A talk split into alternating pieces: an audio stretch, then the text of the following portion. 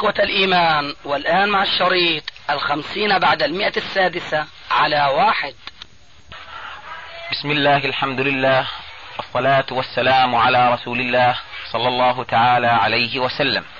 أما بعد فهذه هي زيارة الثانية لشيخنا محدث العصر وشامة الشام محمد ناصر الدين الألباني حفظه الله تعالى ورعاه وجعل الجنة مثواه.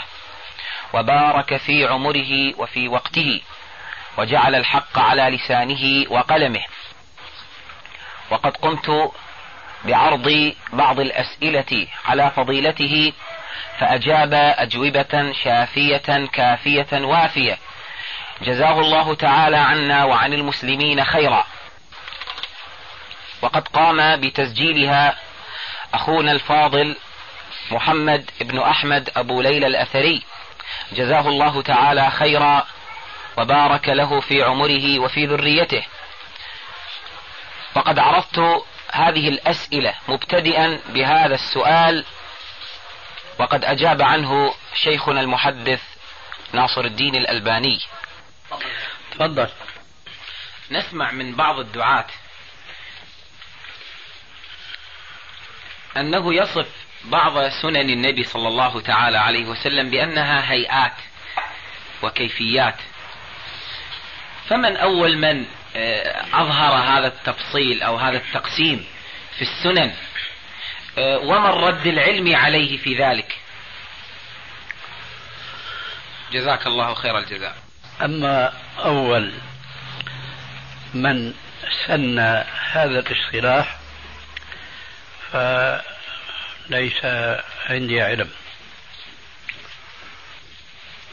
كل الذي أعلمه أنه اصطلاح تفردت به الشافعية دون أتباع المذاهب الأخرى. أما الرد على هذا الاصطلاح فلست من الذين يتحمسون لمناقشة اصطلاح ما سواء كان هذا أو كان غيره إلا بعد أن نعرف مغزاه ومرماه. فإن كان المغزى يخالف حقيقة شرعية حينئذ تحمست للرد عليه والكشف عن عواره وعيبه. أما إن لم يكن فيه مثل هذه المخالفة فها هنا نقول لكل قوم أن يصطلحوا على ما شاءوا. هناك اصطلاحات كثيرة. آه، لم تكن معروفة في العصور السلفية الأولى. ثم حدثت. أعود لأقول لا مشاحة في أي اصطلاح حدث ما لم يكن مخالفا للشرع. نحن نعلم مثلا أن الفقهاء كلهم اتفقوا على تقسيم الأحكام الشرعية إلى خمسة أقسام. هذا الاصطلاح لم يكن معروفا في قديم الزمان.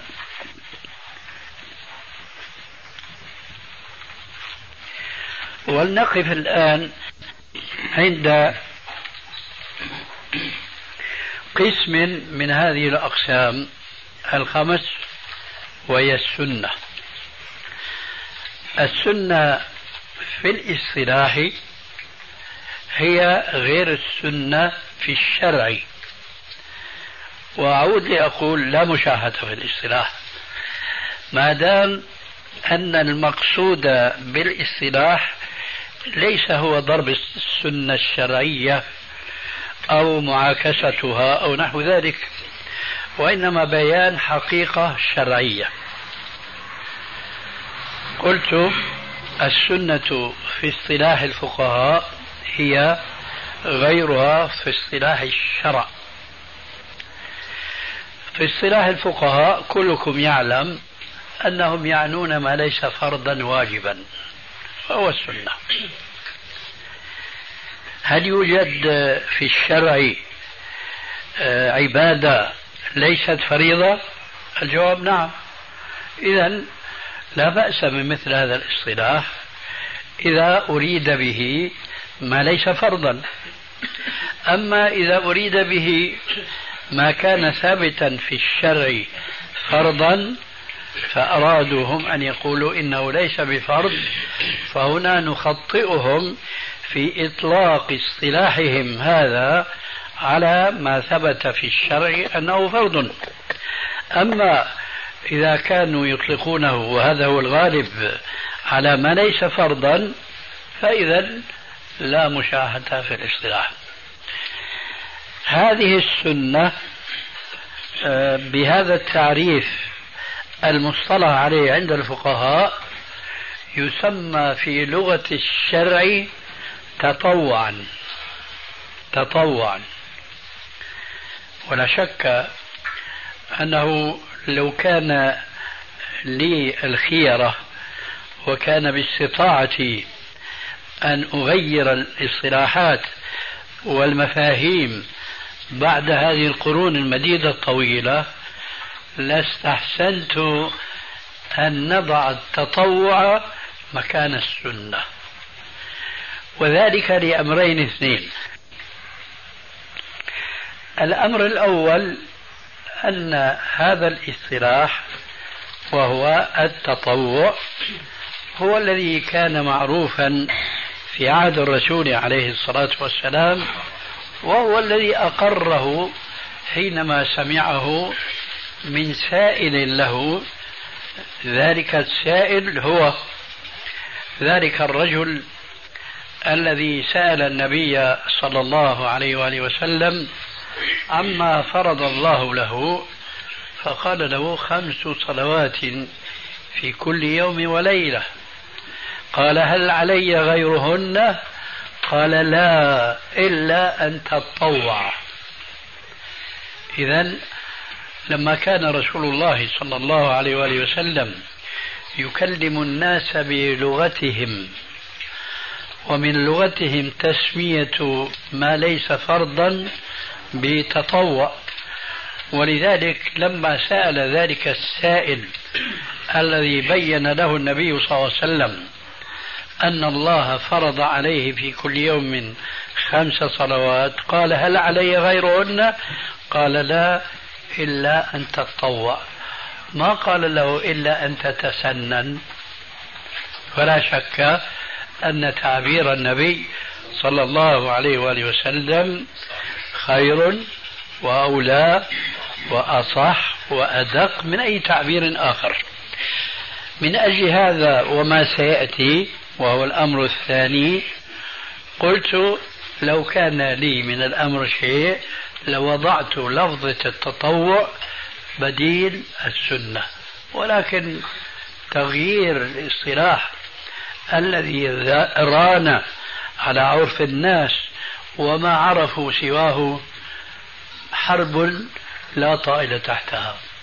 ولذلك نقر هذا الاصطلاح أي إطلاق السنة على العبادة التي ليست بفريضة.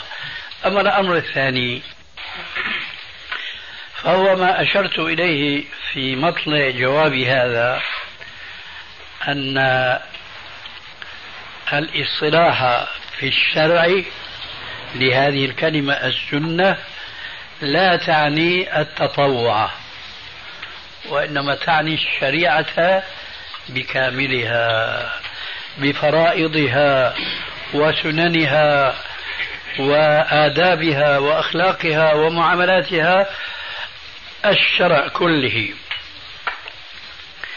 وذلك صريح جدا في حديث الشيخين في صحيحيهما عن أنس بن مالك رضي الله تعالى عنه أن رهطا من أصحاب النبي صلى الله عليه وسلم جاءوا إلى أزواجه فلم يجدوه عليه السلام فسألوهن عن عبادته صلى الله عليه وآله وسلم عن صيامه وقيامه وإتيانه لأزواجه فكان جوابهن ما هو معروف في السنة. إنه عليه الصلاة والسلام يقوم الليل وينام ويصوم ويفطر ويتزوج النساء. انطلاقا من قوله تعالى قل إنما أنا بشر مثلكم. قال أنس فلما سمعوا جواب نسائه عليه السلام عن عبادته صلى الله عليه وسلم تقالوها تقالوها أي وجدوها قليلة. ذلك لأنهم كانوا يتصورون بناء على عقيدتهم الحق أن النبي صلى الله عليه وسلم هو سيد البشر وأفضل البشر. إذا ينبغي أن يكون أعبد البشر وهو كذلك. لكنهم تصوروا أنه لا يكون أعبد البشر إلا إذا كان متعبدا حسب تصورهم للعبادة. كانوا يتصورون العبادة أن يقوم الليل ولا ينام وأن يصوم الدهر ولا يفطر وأن لا يتزوج النساء لأن النساء كما قال بعض الوضاعين على رسول الله ضاع العلم بين أفخاذ النساء. فإذا كيف رسول الله يتزوج؟ وكيف ينام في الليل ولا يقوم الليل كله؟ وكيف يفطر ولا يصوم الدهر كله؟ هكذا كانوا تخيلوا ليكون رسول الله صلى الله عليه وسلم أعبد البشر وهو بلا شك أعبدهم وأكملهم لكن ليس في حدود تصورهم للعبادة. وقد عبر عن تصورهم الخاطئ هذا قولهم أنهم وجدوها عبادة قليلة. رسول بينام بالليل مش بيصلي طول الليل ورسول بيفطر وما بيصوم الدهر ورسول بيتزوج. النساء مش واحدة ولا تنتين ولا أربعة بل بيجمع بين التسع وتزوج أكثر من تسعة. هذه عبادة قليلة. ثم عادوا إلى أنفسهم ليعللوا مثل هذه العبادة التي تقالوها بعلة هي أقبح من المعلول حيث قالوا هذا رسول الله. صلى الله عليه وآله وسلم. قد غفر الله له ما تقدم من ذنبه وما تأخر. لسان حالهم لسان معنى قالهم هذا يقول لماذا الرسول عليه السلام يجهد نفسه؟ لماذا نحن نبتغي منه أن يقوم الليل كله وأن يصوم الدهر كله وأن لا يتزوج النساء ما دام أن الله قد غفر له ما تقدم من ذنبه وما تأخر. ويعيش أحدنا في هذه الحياة الدنيا أليس ليحظى بمغفرة الله عز وجل في الأخرى؟ بلى. إذا ما دام أن النبي صلى الله عليه وسلم قد غفر الله له ما تقدم من ذنبه وما تأخر في وجهة نظرهم الخاطئة إذا الرسول ما يقوم الليل كله. وإلى آخر ما هنالك مما قالوه خطأ. فقالوا أما نحن فليس عندنا وعد من الله أن الله قد غفر لنا.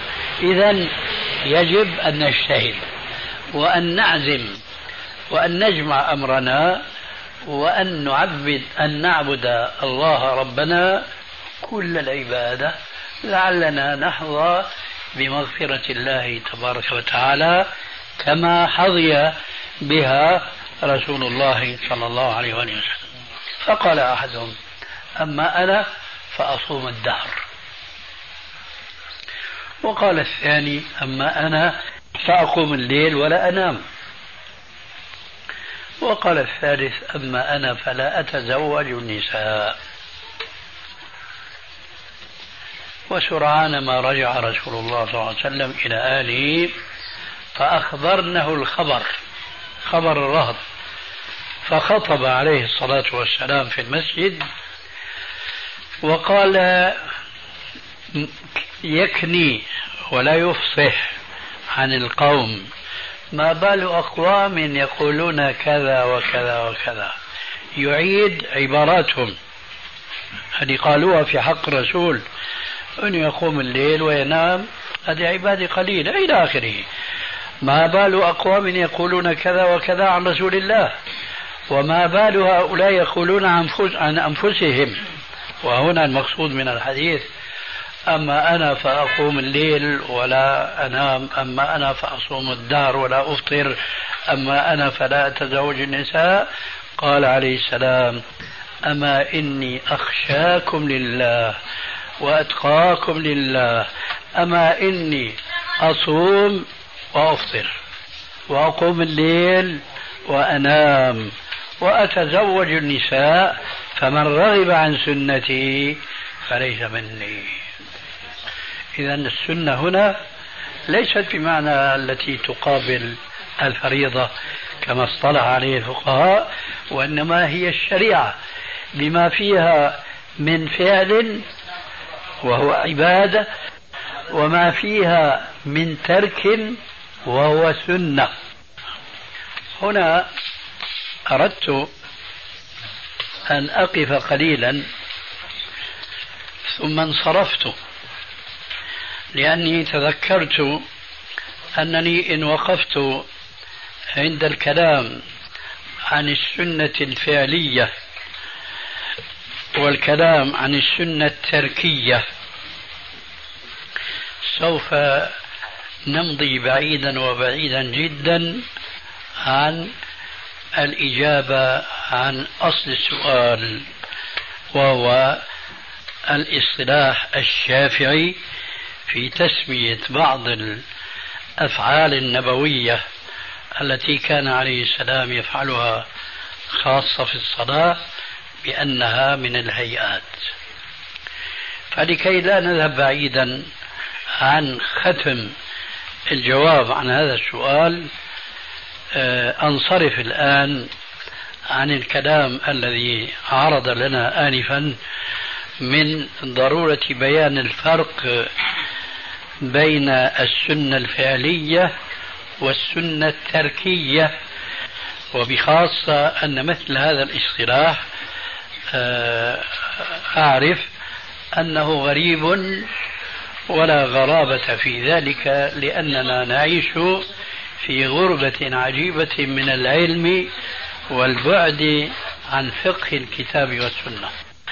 بعد هذا أقول إتماما للجواب عن ذاك السؤال ومعذرة فإني أرى وقد التأم الجمع وكثر وبورك فيه أن أعود إلى ما كنت أردت البحث فيه من التفريق بين السنة الفعلية والسنة التركية لكن هذا بعد أن أختم الجواب عن ذاك السؤال.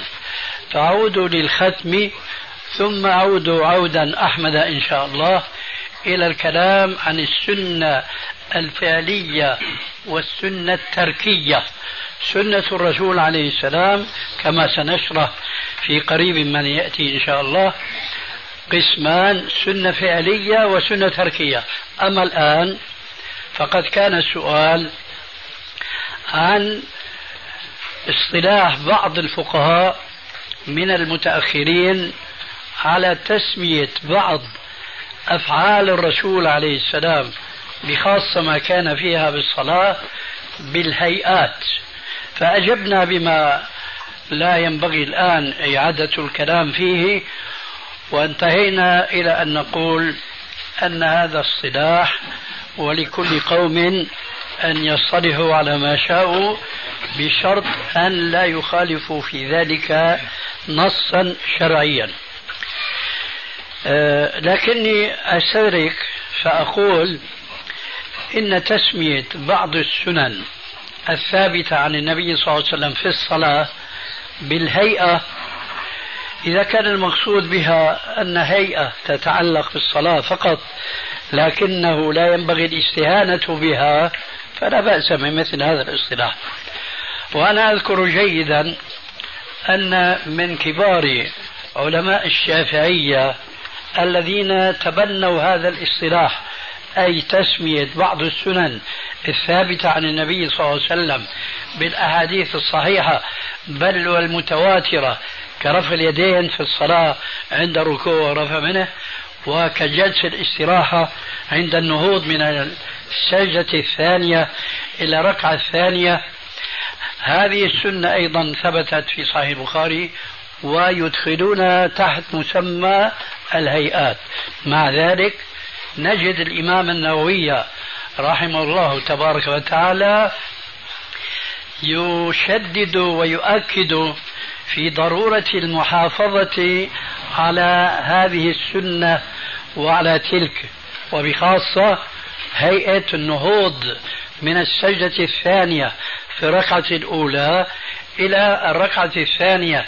فلا ينبغي أن ينهض فورا وإنما يجلس هذه الجلسة مع أنه يسميها بالهيئة لكنه يؤكد بضرورة الاهتمام لأن النبي صلى الله عليه وسلم قد ثبت أنه كان يفعلها دون أن يتهاون بها. إذا إذا ثبت أن النبي صلى الله عليه وسلم فعل سنة ولم يتركها فمن السنة أن نفعلها وألا نتركها. ولا علينا بعد ذلك هل سميناها؟ سنة أم سميناها هيئة. إذا لا مشاحة في الاصطلاح لكن الحقيقة أن الأمر المهم إنما هو معرفة أن هذه الهيئة من أين جاءت؟ بأي حديث ثبتت؟ إن كان بحديث صحيح ويعطي دوام الرسول استمراره على ذلك فنحن نستمر على ذلك ولا يضرنا بعد ذلك أن يسميه بعض الفقهاء بأنها سنة وبعضهم يسمونها بأنها هيئة. ختاما أقول كما قلت في أول الكلام لا ضرورة هناك للرد على هذا الاصطلاح وإنما المهم فيه تماما توجيه هذا الاصطلاح إلى ما يتطلبه من العمل بما يسمونه بالهيئة. آه لعلي أجبت عن هذا السؤال إن شاء الله. بارك الله فيك. وفيك إن شاء الله. آه شيخ آه كيف؟ قلتم تخلفنا السنة التركية والسنة الفعلية أقول بالنسبة للسؤال انتهى ولا لا؟ أما هذه سنعود إليها. قد قلت آنفا وأنا ذاكر وما أنا لي أن أنسى بعد. انتهى هذا نعم, نعم. جزاك الله إذا احفظ ما عندك من سؤال ثان نعم. وربما ثالث لأفي بوعدي السابق. طيب. وهو الكلام حول السنة الفعلية والسنة التركية. هذا أيضا اصطلاح. ربما الكثير من الحاضرين ما سمعوا عمرهم وحياتهم أن هناك سنة تركية وإنما السنن المعروفة سنن فعلية.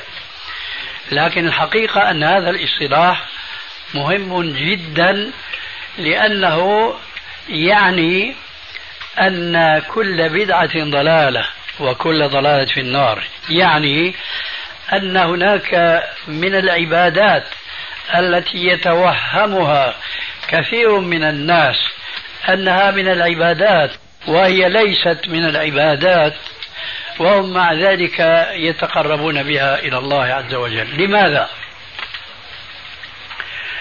لأن السلف ونحن ندعي ونرجو أن نكون عند دعوانا أننا نتبع السلف. ذلك لأن أهل العلم يقولون وكل خير في اتباع من سلف. وكل شر في ابتداع من خلف.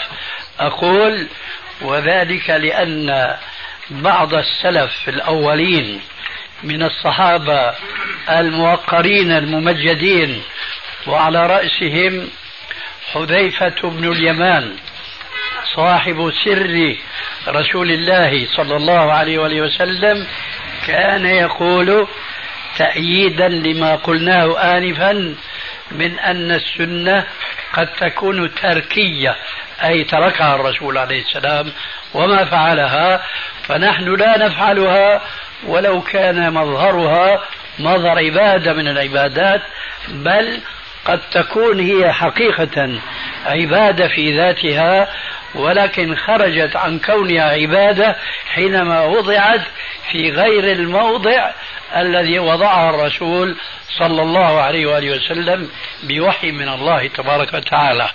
قال حذيفة بن اليمان كل عبادة لم يتعبدها أصحاب رسول الله صلى الله عليه وآله وسلم فلا تعبدوها. كل عبادة لم يتعبدها أصحاب رسول الله صلى الله عليه وآله وسلم فلا تتعبدوها. أي لا تتقربوا بها إلى الله عز وجل. ذلك لأنها ليست عبادة. أنتم تظنونها عبادة. ولكن الدليل على أنها ليست عبادة لأنها لو كانت عبادة لجاء بها رسول الله صلى الله عليه وآله وسلم. وهنا حقيقة.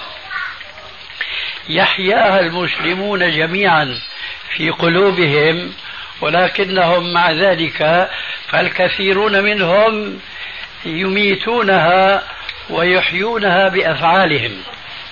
ذلك أن أننا لولا بعثة رسول الله صلى الله عليه وسلم من ربنا إلينا ما كنا نعرف شيئا من هذا الإسلام الذي أكرمنا الله به. وإذا كان الله تبارك وتعالى يخاطب نبيه صلى الله عليه وآله وسلم فيقول له ما كنت تدري ما الكتاب ولا الإيمان؟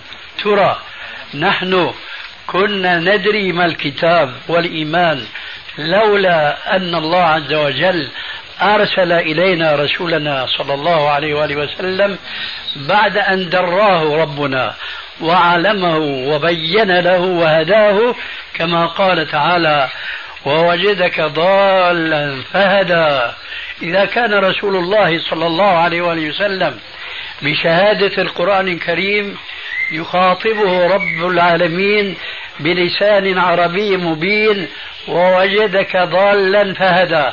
ترى نحن كيف كنا نكون لولا دعوة رسول الله صلى الله عليه وسلم إيانا. لولا أننا اهتدينا به بإرسال ربنا عز وجل إياه إلينا. إذا الأمر كما قال أيضا بعض السلف أشك الآن هو أحد العبادلة إما عبد الله بن عمر وإما عبد الله بن عباس أو لعله غير هؤلاء العبادلة يقول آه، جوابا لسائل ما بالنا نجهر في بعض الصلوات ونسر في بعض الصلوات الأخرى؟ قال يا أخي نحن ما كنا ندري شيئا فنحن نفعل كما فعل رسول الله صلى الله عليه وسلم. نجهر حيث جهر ونسر حيث أسر. هذا هو كمثال بسيط جدا ومفهوم لكل مسلم مهما كانت ثقافته أو كان فقهه آه، ضحلا وقليلا فهو يعلم أننا حين نجهر إنما نجهر لأن الرسول فعل. وحينما نسر ولا نجهر لأن الرسول ترك. إذا السنة سنتان لكن هذه قاعدة يجب تعميمها في كل الأمور التي نريد أن نتقرب بها إلى الله تبارك وتعالى. والأمثلة في ذلك كثيرة وكثيرة جدا وهي معلومة فقها لكنها مهجورة فعلا. مثلا الصلوات الخمس يؤذن لها. والحمد لله لا تزال هذه السنة قائمة وشائعة ومعروفة في بلاد الإسلام كلها. الأذان للصلوات الخمس.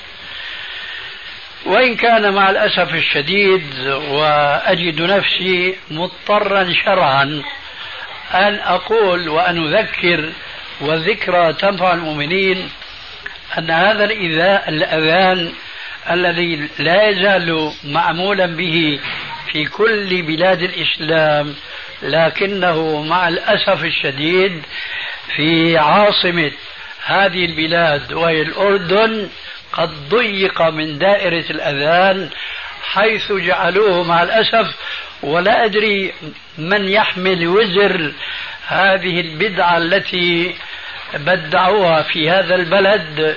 دون بلاد الإسلام كلها حيث لا تسمع في مساجد البلد.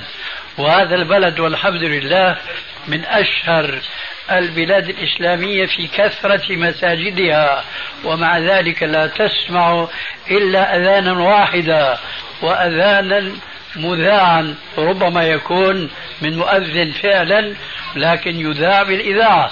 وقد يذاع من شريط. وهذا يكون أبعد عن السنة. فالشرع شرع لنا أن نؤذن في كل مسجد لأن الأذان شعيرة من شعائر الله تبارك وتعالى. ولا أريد أن أطيل الكلام في هذه المسألة لأن الغرض هو التذكير بأهمية هذه القاعدة وهي أن ما فعله رسول الله صلى الله عليه وسلم من العبادات فهو قربة لنا وطاعة منا لربنا وما تركه من العبادات فليس لنا أن نفعل ذلك بدعوى أنها عبادة. خذوا الآن مثال. يؤذن للصلوات الخمس. فهل يؤذن لصلاة العيدين؟ الجواب لا. لماذا؟ وقد يقول عقل بعض الناس والله والناس يوم العيد بحاجة إلى أن يسمعوا الأذان في وقت العيد أكثر من أن يسمعوا الأذان في وقت الظهر أو العصر. مع ذلك لا أذان لصلاة العيدين. لماذا؟ وعليكم السلام ورحمة الله. ذلك لأن النبي صلى الله عليه وآله وسلم ترك ترك الأذان في العيدين فتركه المسلمون.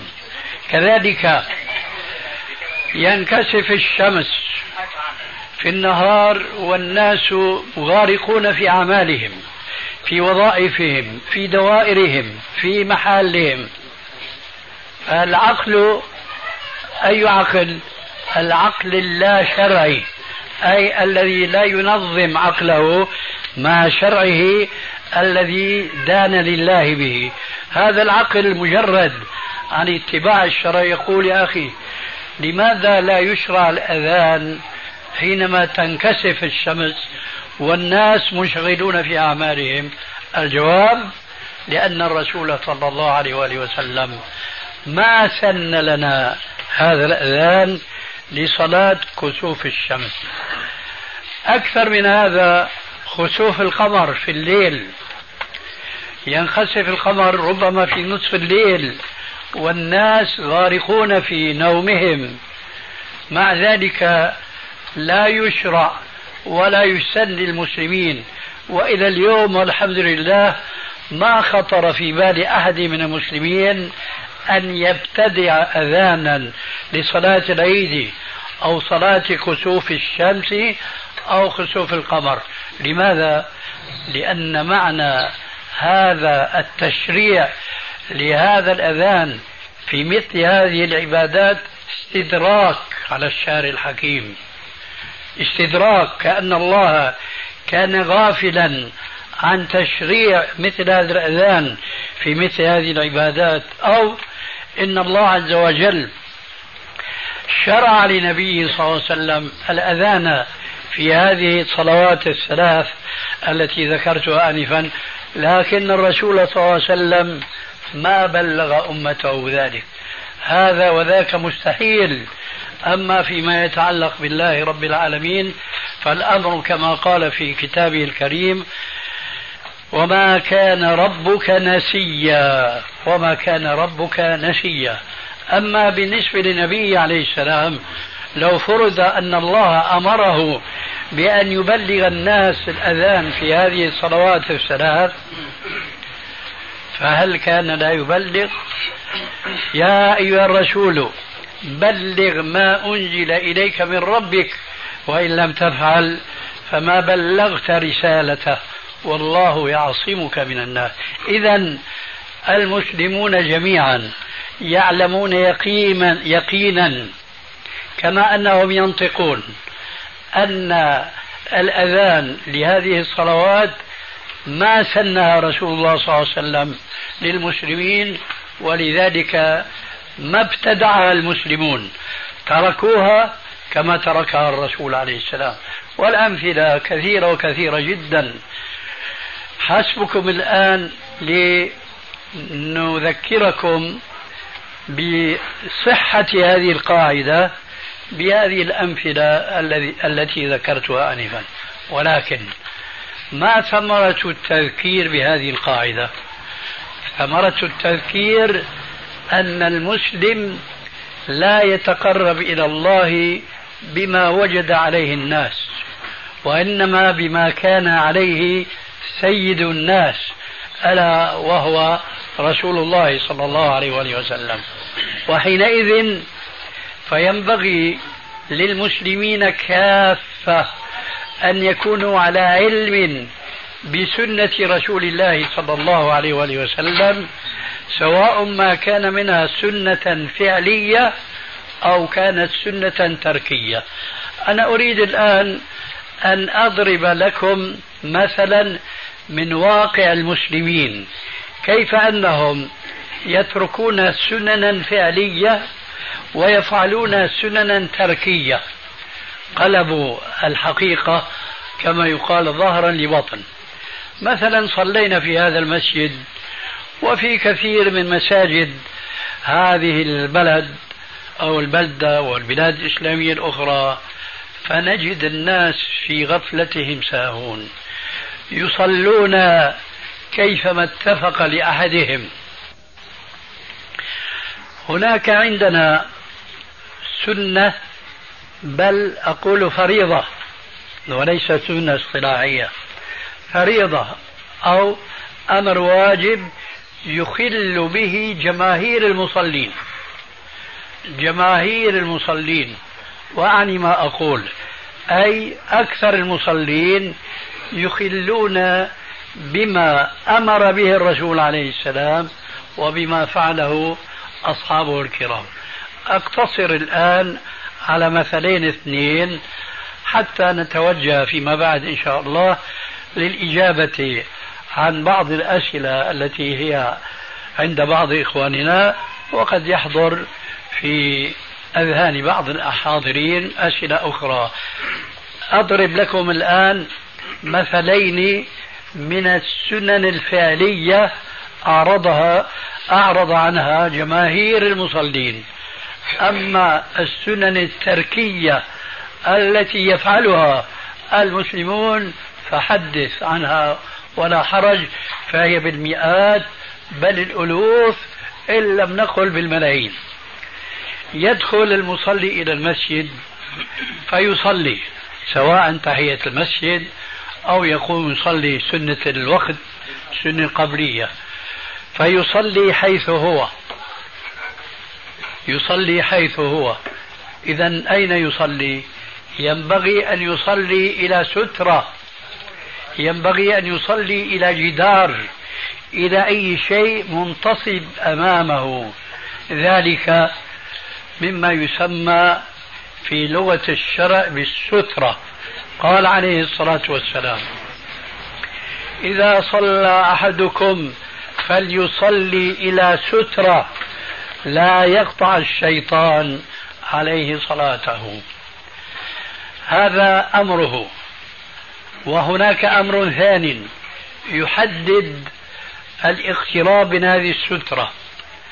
وآنفا رأيت أحد إخواننا الحاضرين في هذه الجلسة والذي أظن به أنه من أنصار السنة ومن أتباع السلف الصالح اقترب معنا إلى السترة لأنه يعلم أنه لا بد من الاقتراب إلى السترة.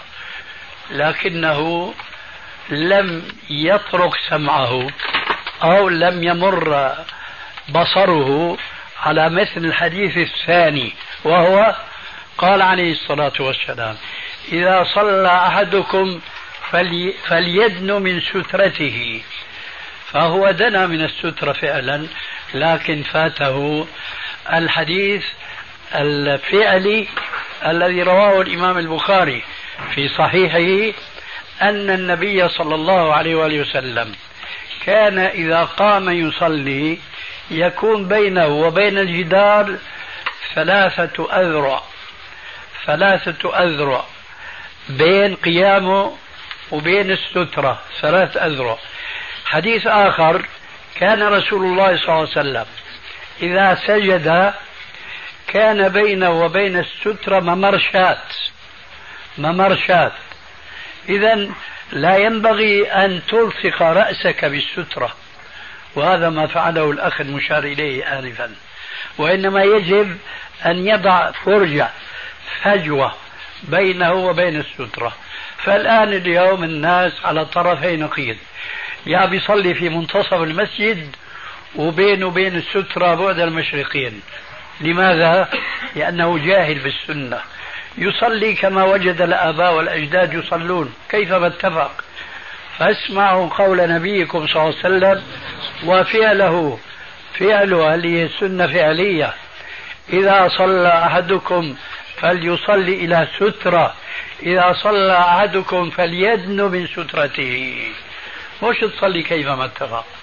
إذا صليت في العراء لا ينبغي أن تصلي في العراء في الصحراء.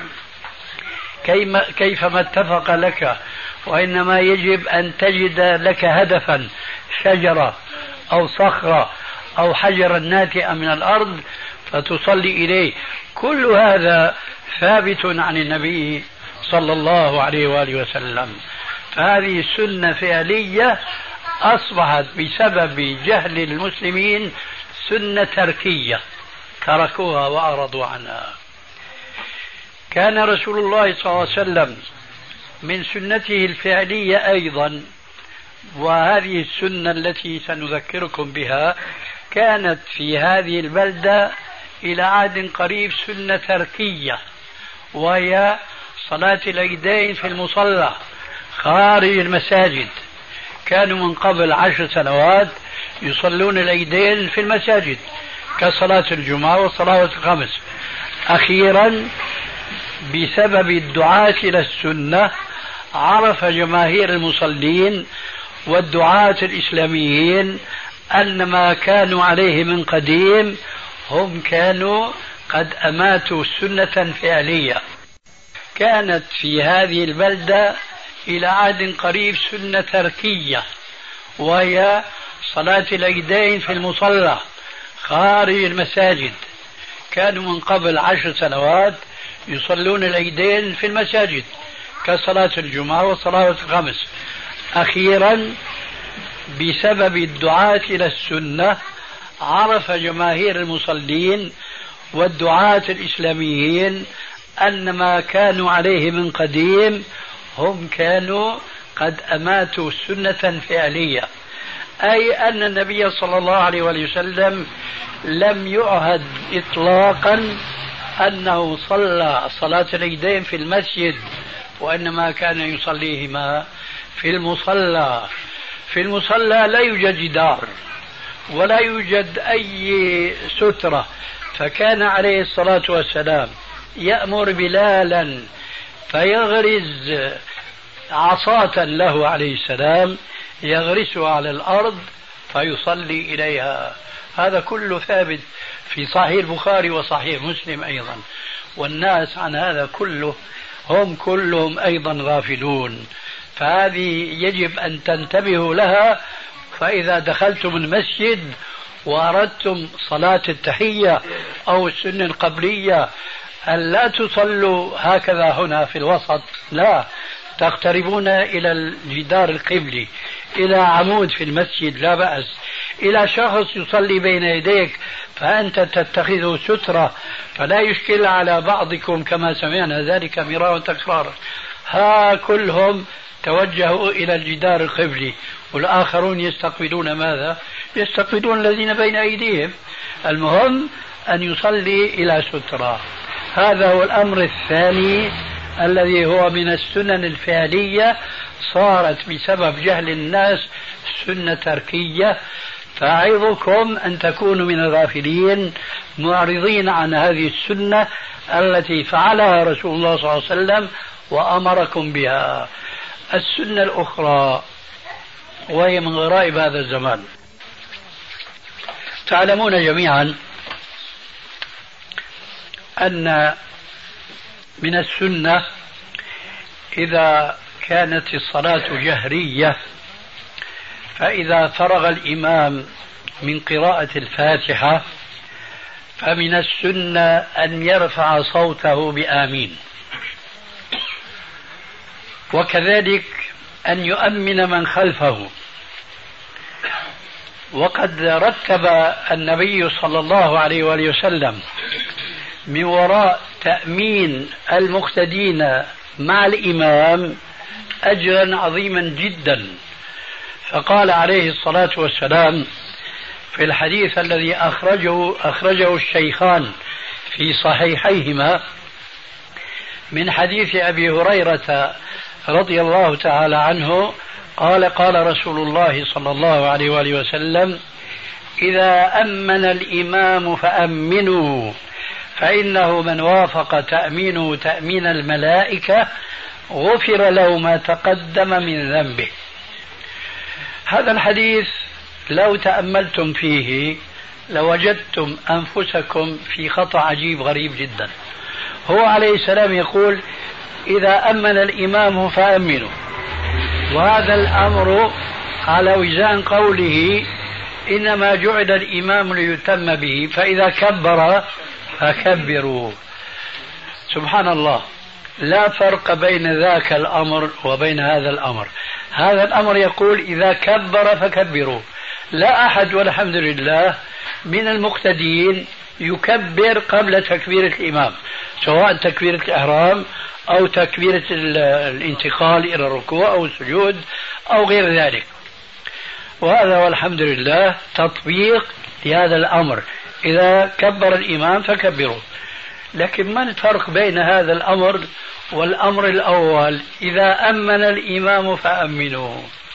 الآن تجد المؤمنين يسبقون الإمام بآمين. لماذا؟ لأنهم في غفلتهم ساهون. لا يلقون بالهم. لقراءة الإمام لا ينتبهون لقوله ولا الضالين.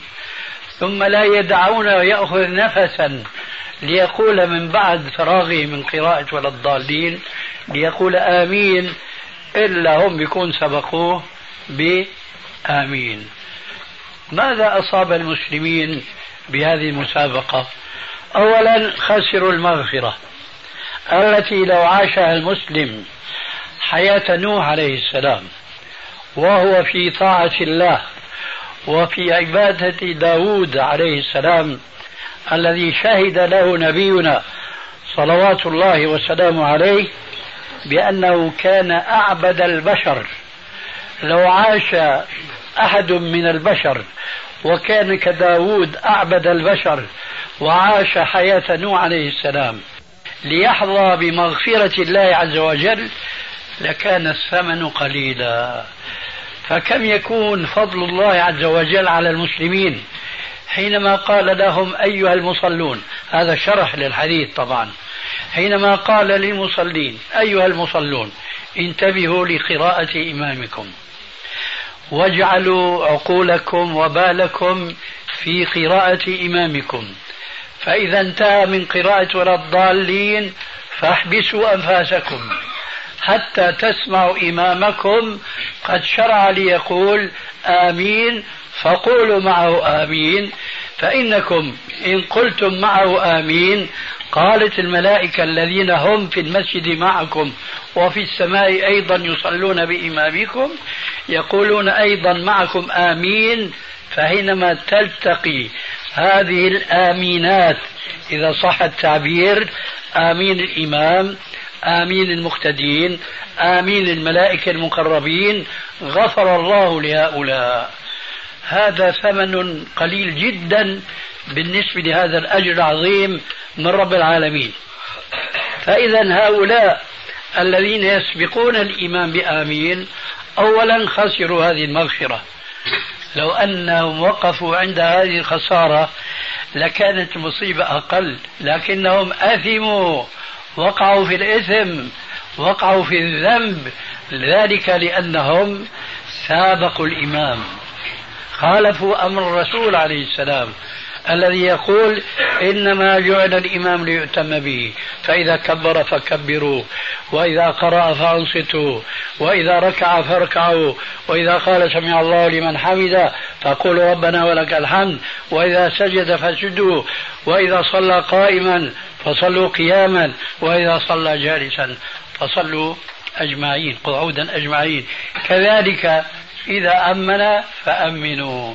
فالذي يسابق الإمام في شيء من هذه الأوامر فهو آثم لقوله عليه الصلاة والسلام مثل الذي أو كما قال عليه السلام مثل الذي يسجد قبل الإيمان فهو كالحمار.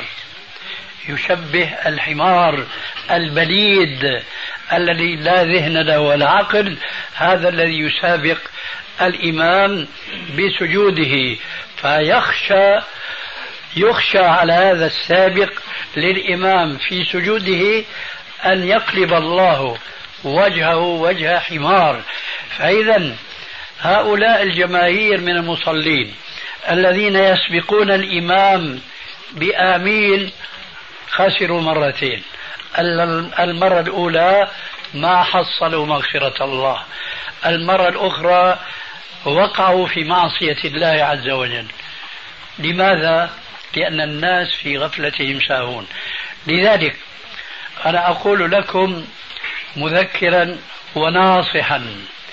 يجب أن تعلموا أن شريعة الله عز وجل كاملة وأنه لا مجال لأحد أن يستدرك عبادة واحدة على رسول الله صلى الله عليه وآله وسلم الذي بلغ الرسالة وأدى الأمانة وأنزل الله عز وجل عليه قوله تبارك وتعالى اليوم أكملت لكم دينكم وأتممت عليكم نعمتي ورضيت لكم الإسلام دينا. هذه الآية لو علم المسلمون قدرها لكانت دائما متركزة ثابتة في قلوبهم ولو أنها كانت كذلك لم يتجرأ أحد منهم أن يقول للعالم حينما يحذر المسلم من أن يتعبد وأن يتقرب إلى الله بسنة تركية لتورع ذلك المسلم لو كانت الآية ثابتة في قلبه أن يقول للعالم يا أخي شو فيها؟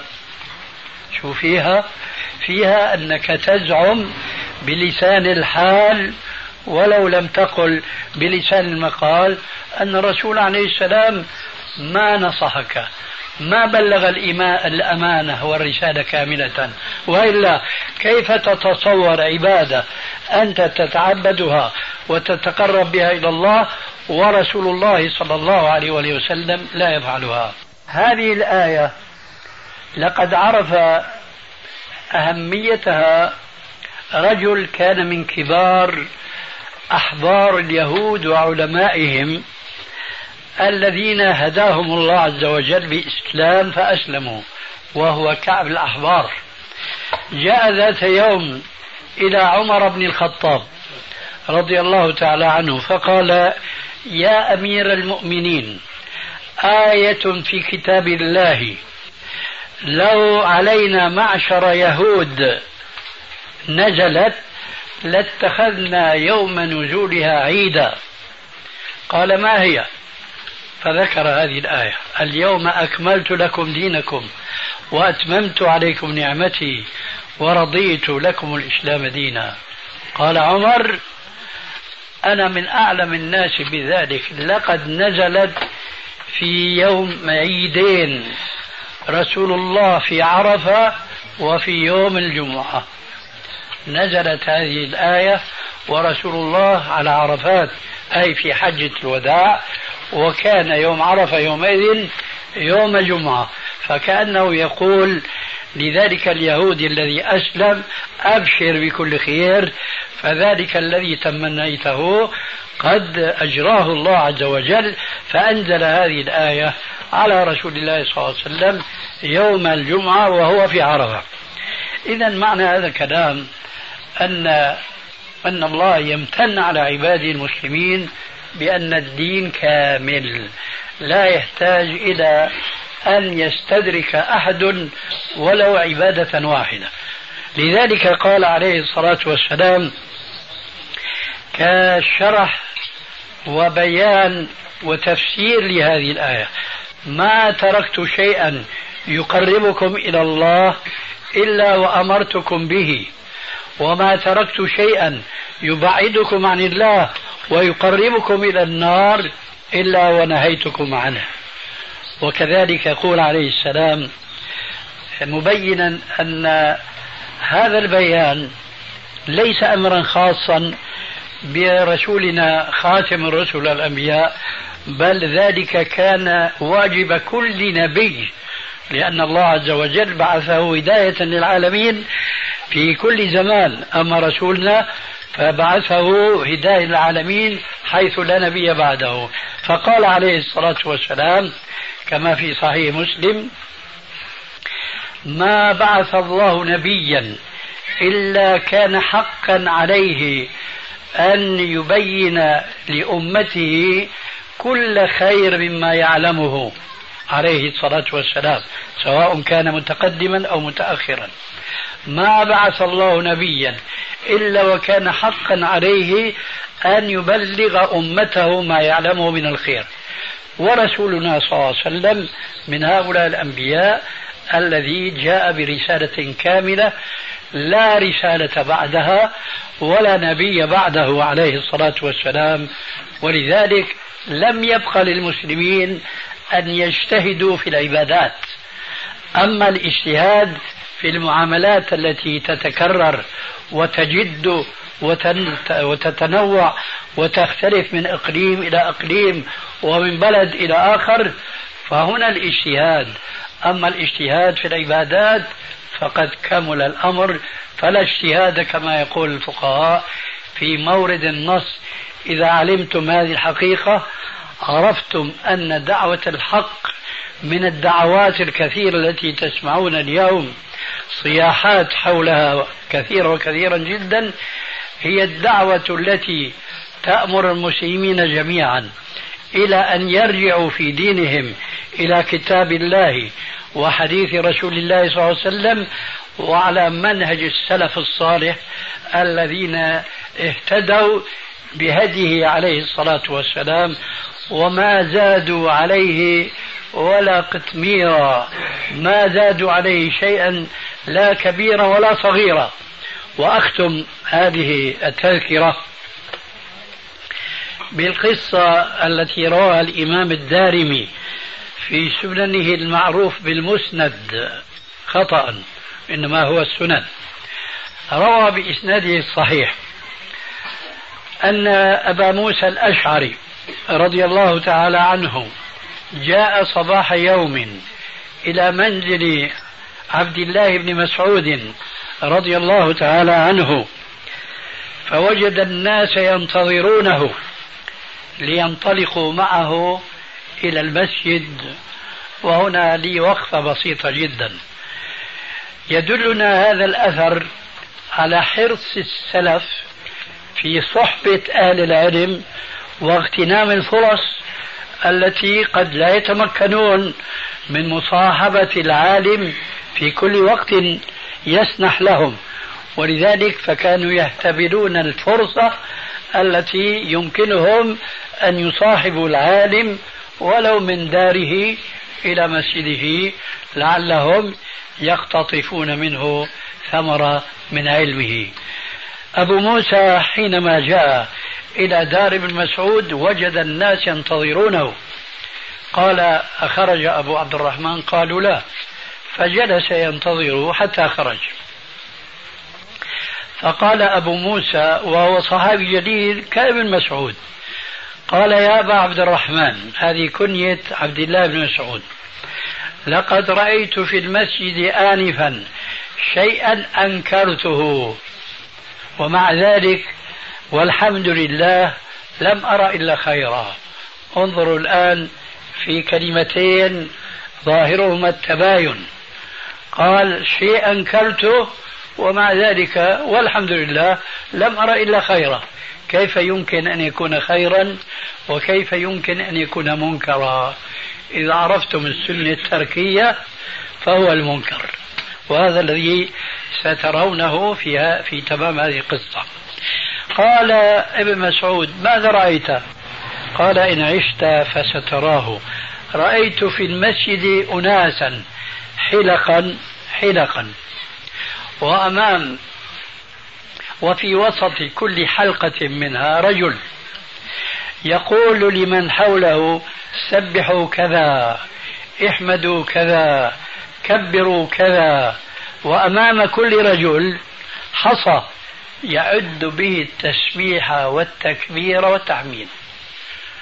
ما كاد ابن مسعود يسمع هذا الوصف إلا وبادر إلى القول مخاطبا أبا موسى قال أفلا أنكرت عليهم؟ إيه ماذا ينكر عليهم؟ التسبيح والتحميد. وسبحان الله والحمد لله جاء في أحاديث كثيرة جدا أربع كلمات بعد القرآن. هي أربع كلمات. لا يضرك بأيهن بدأت. سبحان الله والحمد لله ولا إله إلا الله والله أكبر. أفضل الكلام بعد القرآن أربع كلمات. لا يضرك بأيهن بدأت. سبحان الله والحمد لله ولا إله إلا الله والله أكبر. ماذا كان يفعل أصحاب الحلقات؟ كانوا يسبحون ويحمدون ويكبرون إلى آخره. كيف أبي مسعود يقول لأبي موسى أفلا أنكرت عليهم؟ قال وهذا أدب العالم مع العالم. فكيف يكون أدب الطالب للعلم مع العالم؟ لا شك أنه سيكون يعني أسمى وأعلى من هذا الأدب لأن كل من الصحابيين علماء ابن مسعود وأبو موسى. لكن أبو موسى يعترف بعلم ابن مسعود أنه أعلى وأسمى من علمه ولذلك قال لو ما تجرأت على الإنكار لما رأيت مما يستحق الإنكار حتى آخذ رأيك. قال أفلا أنكرت عليهم وأمرتهم أن يعدوا سيئاتهم. بدل ما يعدوا على الله يعدوا سيئاتهم. وضمنت لهم ألا يضيع من حسناتهم شيء. قال لا انتظار أمرك أو انتظار رأيك. فرجع ابن مسعود إلى داره وخرج متلثما لكي لا يعرف.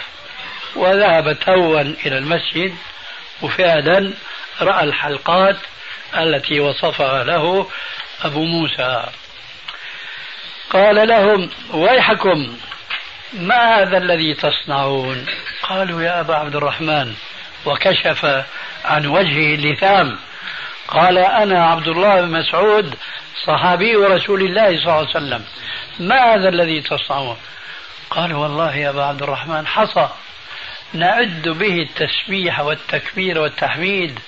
قال عدوا سيئاتكم وأنا الضامن لكم ألا يضيع من حسناتكم شيء. ويحكم ما أسرع هلكتكم. هذه ثيابه صلى الله عليه وآله وسلم لم تبلى وهذه آنيته لم تكسر والذي نفسي بيده أئنكم لأهدى من أمة محمد أي أصحاب محمد. والذي نفسي بيده أئنكم لأهدى من أمة محمد صلى الله عليه وآله وسلم أو إنكم متمسكون بذنب ضلالة.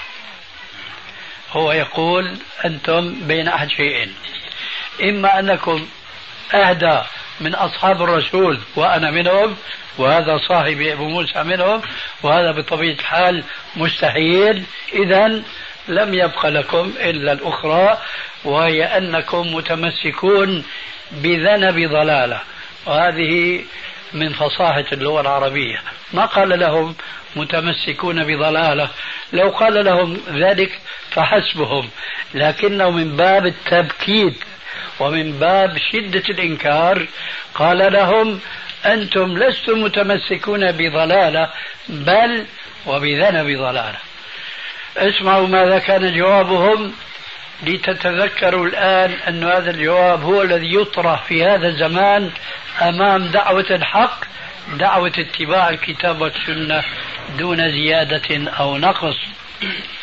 قالوا والله يا أبا عبد الرحمن ما أردنا إلا الخير. ألا تسمعون هذا الكلام؟ كلما أنكر على إنسان بدعة قيل يا أخي شو فيها نحن نريد ذكر الله نريد الصلاة على رسول الله صلى الله عليه وسلم. فالجواب السلفي هو الذي ستسمعونه من كلام هذا الإمام السلفي الذي هو من السابقين الأولين الذين آمنوا بالله ورسوله. هو عبد الله بن مسعود. لما قالوا له والله يا أبا عبد الرحمن ما أردنا إلا الخير. قال وهنا العبرة. وكم من مريد للخير لا يصيبه. وكم من مريد للخير لا يصيبه. حكمة بالغة فما تغني النذر. كم من مريد للخير لا يصيبه. كون هذا خير وكون هذا شر. كون هذا فرض وهذا سنة. كون هذه سنة وهذه بدعة. ما هو طريق معرفة هذا من هذا؟ تمييز هذا من هذا. أهو العقل أم الشرع؟ لا شك أن الجواب هو الشرع. ولذلك فهو يرد عليهم أنتم أردتم الخير لكنكم ما سلكتم طريق الخير. كم من مريد للخير لا يصيبه.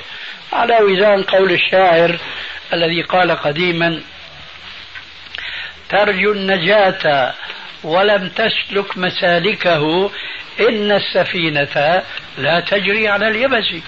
الذي يريد أن يجري السفينة لابد أن يضعها في مجراها يعني في طريقها يعني في مائها وليس في سهلها ووعرها ونحو ذلك. ترجو النجاة ولم تسلك مسالكها إن السفينة لا تجري على اليبس. قال ابن مسعود وكم من مريد للخير لا يصيبه. إن محمدا انظروا العبرة. إن محمدا صلى الله عليه وآله وسلم حدثنا إن أقواما يقرؤون القرآن لا يجاوز حناجرهم أي لا يدخل إلى قلوبهم. يمرقون من الدين كما يمرق السهم من الرمية. ما معنى هذا الحديث؟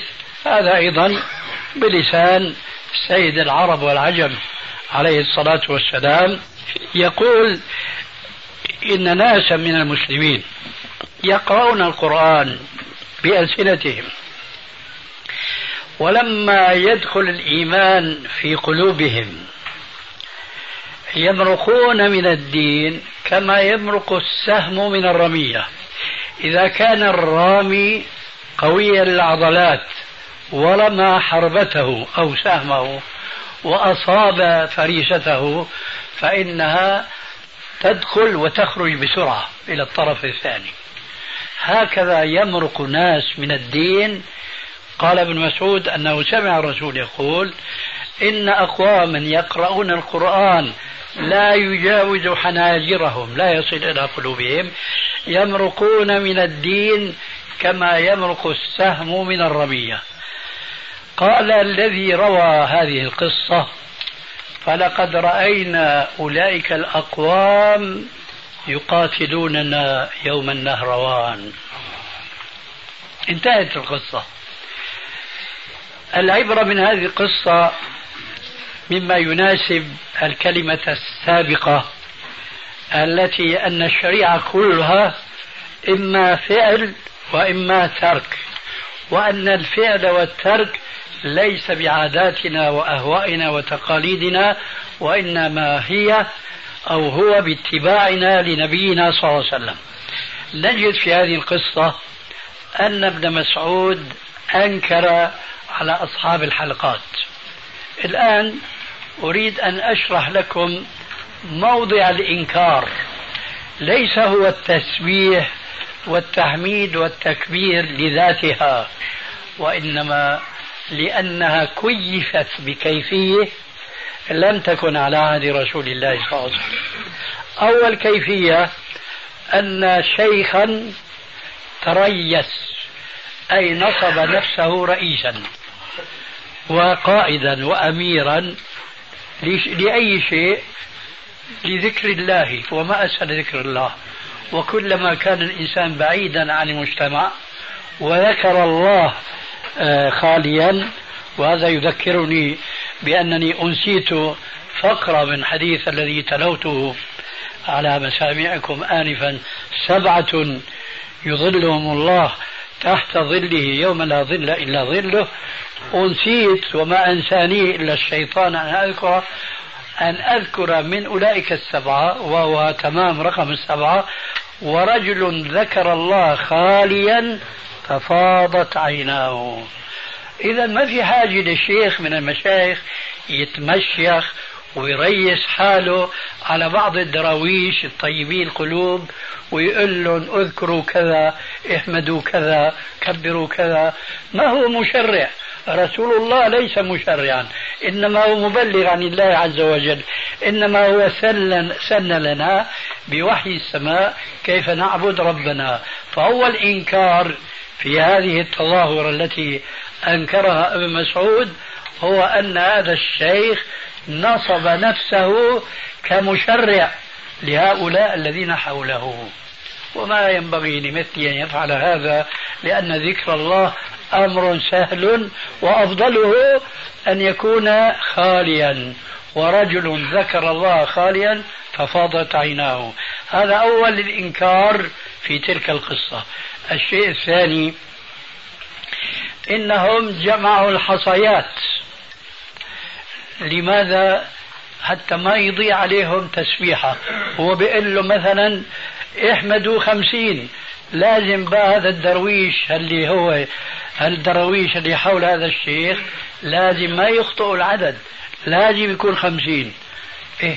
هو رسول الله. رسول الله قال لنا وصدقناه واتبعناه بإيمان خالص. من سبح الله دبر كل صلاة ثلاثة وثلاثين وحمد الله ثلاثة وثلاثين وكبر الله ثلاثة وثلاثين. ثم قال تماما مئة لا إله إلا الله وحده لا شريك له له الملك وله الحمد على كل شيء قدير. غفرت له ذنوبه وإن كانت مثل زبد البحر.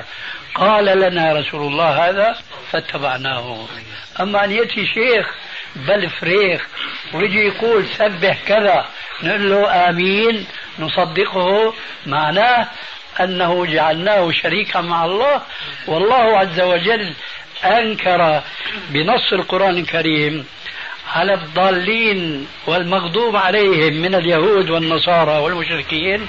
فقال في حقهم أجمعين اتخذوا أحبارهم ورهبانهم أربابا من دون الله والمسيح ابن مريم. فاليهود عبدوا المسيح من دون الله ليس فقط لأنهم جعلوه آه، قسما من ذات الله عز وجل بل وزعموا بأنه كان يشرع مع الله وما هو إلا رسول من الله تبارك وتعالى. اليهود كذلك ولهذا وجدنا اليهود والنصارى شريعتهم دائما في تجدد في تغير لأنها ليست كما أنزلت وإنما غيروا فيها وبدلوا. لكن الله عز وجل صان شريعته التي أنزلها على قلب نبينا محمد صلى الله عليه وسلم وتعهد بحفظها بقوله إنا نحن نزلنا الذكر وإنا له لحافظون بمثل هذه القواعد التي ذكرناكم ببعض عن السلف وجاء عن هذا السلف الأول عبد الله بن مسعود لينكر على هؤلاء المبتدعة الذين اتخذوا هيئات لذكر الله. هذه الهيئة هي التي أنكره ابن مسعود وليس لذات التسبيح والتحميد والتكبير. فذكرنا أولا أن هذا الشيخ نصب نفسه موجها ليذكر الله وليسوا هم بحاجة بعد بيان الرسول عليه السلام لذكر الله. ثانيا جمعوا حجارة ليعدوا على الله. ولذلك قال لهم عدوا سيئاتكم وأنا الضامن لكم ألا يضيع لكم من حسناتكم شيء. الشيء الثالث والأخير لعله أعرضوا عن العد وهذه مصيبة لا تزال موجودة بين المسلمين اليوم. أعرضوا عن عد الذكر المشروع بالأنامل. الآن تجدون الدراويش وأمثال الدراويش من المشايخ يعدون التسبيح دبر الصلوات بالسبحة. السبحة هذه تطورت مع الزمن من حجارة أولئك الخوارج. العبرة بعد ما كملت. هؤلاء إذا عرفنا أن ابن مسعود أنكر عليهم ليس لخصوص الذكر من تسبيح وتسمير وتكبير وإنما لما أحاط بهذا الذكر من إحداث ومن ابتداع لم يكن في عهد الرسول عليه السلام. لذلك قال لهم منكرا عليهم أشد الإنكار والذي نفسي بيده أئنكم لأهدى من أمة محمد الذين لم يكن فيهم مثل هذه الحلقات أو إنكم متمسكون بذنب ضلالة. هذا هو الشرح موضع الإنكار من ابن مسعود. فلا يكو فلا يقولن غافل من الغافلين ماذا فعل هؤلاء يا أخي؟ ما ابتدعوا شيئا إنما هو التسبيح والتكبير والتعميد لا لقد ابتدعوا كيفية. هذه الكيفية هي التي أنكرها ابن مسعود. أما العبرة أقول اقتباسا من هذه القصة قولا لي قياسا على قول الفقهاء والعلماء يقولون الصغائر بريد الكبائر. الصغائر ذنوب الصغائر بريد الكبائر. أي من اعتاد أن يواقع المعصية الصغيرة فسيتدرج معها إلى المعصية الكبيرة لأن المعاصي ليس لها حدود. مادية مجسمة حيث الإنسان يقف عندها ثم لا يجر من ورائها إلى معصية كبيرة. ولذلك نهى الرسول عليه السلام المسلمين أن آه، أن يستحقروا وأن يتهاونوا ببعض المعاصي من الذنوب الصغائر. قال عليه السلام إياكم ومحقرات الذنوب. فإنها إذا اجتمعت أحرقت أو كما قال عليه الصلاة والسلام. الشاهد فكما يقول الفقهاء من الذنوب الصغائر هي بريد الكبائر. فأنا أقول اقتباسا من قصة ابن مسعود ومما وقع لأولئك المبتدعة أن البدعة الصغيرة هي بريد للبدعة الكبيرة. هؤلاء أصحاب الحلقات الدرويش هذول ماذا كانوا يفعلون؟ عرفنا بدعتهم كيفية ليست آه ذكرية لأن هذا ذكر منقول عن الرسول عليه السلام. إلى أين أدت بهم هذه البدعة؟ إلى البدعة الكبرى وهي الخروج على الخليفة الراشد علي بن أبي طالب حيث قال راوي القصة فلقد رأينا أولئك الأقوام يقاتلوننا يوم النهروان يوم النهروان هي المعركة التي وقعت بين علي رضي الله عنه وهو الخليفة الراشد الرابع وبين الخوارج الذين خرجوا على أمير المؤمنين فقاتلهم علي رضي الله عنه مضطرا لأنهم بدأوا هم القتال. كيف صار هذا؟ البدعة الصغيرة إذا تؤدي إلى البدعة الكبيرة. الأمر سهل جدا. البدعة الصغيرة تؤدي إلى البدعة الكبيرة بطريق أيسر من إيصال البدء الذنب الصغير إلى الذنب الكبير. ذلك لأن الذنب الصغير والذنب الكبير يعرف بالنص. أما البدعة الصغيرة والبدعة الكبيرة لا يعرف بالنص وإنما يعرف بالقاعدة. من أحدث في أمرنا هذا ما ليس منه فهو رد كل بدعة ضلالة وكل ضلالة في النار إلى آخره. فلما يستصغر الإنسان بدعة صغيرة فهو يفتح الطريق له إلى بدعة أخرى وهو ليس عنده ما يميز بين البدعة الصغيرة والكبيرة. ولهذا هؤلاء الدراويش الذين كانوا يجتمعون على ماذا؟ على ذكر الله.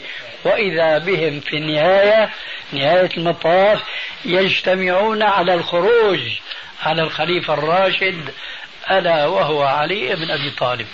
هنا العبرة الكبرى من هذه الحادثة. العبرة التي قبلها أنه أنكر عليهم أشياء نحن نراها اليوم موجودة ولا نكير لها بل إذا أنكرناها نحن أتباع السنة الفعلية والسنة التركية قالوا شو فيها؟ ما فيها شيء. لماذا؟ لأنهم حق حكموا عقولهم كما فعل أولئك الدراويش قالوا ما أردنا إلا الخير. قال وكم من مريد للخير لا يصيبه إن محمدا صلى الله عليه وآله وسلم. حدثنا إن أقواما يقرؤون القرآن لا يجاوز حناجرهم يمرقون من الدين كما يمرق السهم من الرمية. لذلك أنا ناصح لكم إن شاء الله أمين. عليكم أن تعرفوا السنة التي فعلها الرسول عليه السلام فتفعلونها والتي تركها فتجتنبونها وبذلك تكونون قد قمتم بحق الشهادتين. لا إله إلا الله محمد رسول الله. لأن الشهادة الأولى تعني ألا تعبد إلا الله. والشهادة الأخرى تعني ألا تعبد الله ألا تعبد الله إلا بما جاءك به رسول الله. فهما شهادتان وهما توحيدان. هذا أيضا اصطلاح ولا مؤاخذة. توحيدان. توحيد الله في العبادة وتوحيد الرسول في الاتباع. فكما أننا لا نعبد مع الله أحدا ولا نشرك به شيئا كذلك لا نتخذ مع نبينا متبوعا آخر فهو متبوعنا لا سواه وهو ربنا لا نعبد غيره. وبهذا القدر كفاية. والحمد لله رب العالمين. إن كان هناك سؤال مختصر فلا مانع إلى ربع ساعة. ارفع إيدك وإن أذن لك الشيخ تسأل. تفضل. بارك الله فيك. قول شيخ الإسلام ابن تيمية رحمة الله تعالى عليه. يقول أهل البدعة آه، يعتقدون ثم يستدلون وأهل السنة يستدلون ثم يعتقدون. تمام. نعم. يعني هذا معناه أن أهل السنة تبع للدليل. نعم. أما أهل البدعة فتبع لبدعتهم ثم يحاولون تبريرها بالإستدلال لها. وهذا معناه اتباع الهوى. ولذلك فأهل السنة هم بعيدون عن الهوى. نعم. أعوذ بالله السميع العليم من الشيطان الرجيم من همزه ونفخه ونفخه. وقال الذي آمن يا قوم اتبعون أهدكم سبيل الرشاد. يا قوم إنما هذه الحياة الدنيا متاع. وإن الآخرة هي دار القرار. من عمل سيئة فلا يجزى إلا مثلها. ومن عمل صالحا من ذكر أو أنثى وهو مؤمن فأولئك يدخلون الجنة يرزقون. يرزقون فيها بغير حساب. ويا قوم ما لي أدعوكم إلى النجاة وتدعونني إلى النار. تدعونني لأكفر بالله وأشرك به ما ليس لي به علم. وأنا أدعوكم إلى العزيز الغفار. لا جرم أن ما تدعونني إليه ليس له دعوة ليس له دعوة في الدنيا ولا في الآخرة. وأن مردنا إلى الله وأن المسرفين هم أصحاب النار. فستذكرون ما أقول لكم وأفوض أمري إلى الله. إن الله بصير بالعباد.